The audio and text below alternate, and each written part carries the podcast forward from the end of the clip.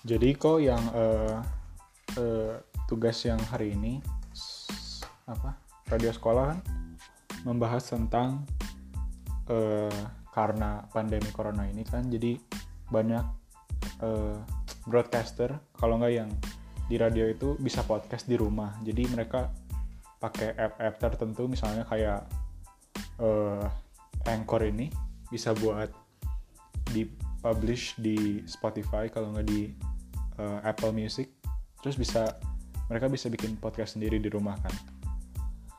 Terus uh, balik lagi ke yang air personality.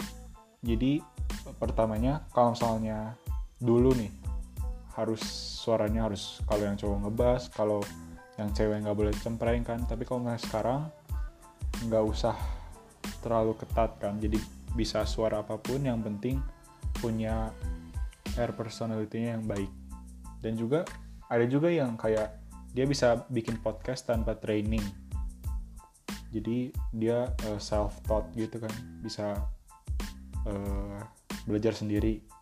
Terus kalau misalnya dengan air personality ini uh, harus unik setiap individu kan. Jadi kayak biar kalau ngomong di podcast gitu jadi orang tertarik gitu tentang si penyiarnya. Soalnya dia punya keunikan sendiri untuk men-entertain orang. Dan juga kalau bisa dia bikin suatu program gitu.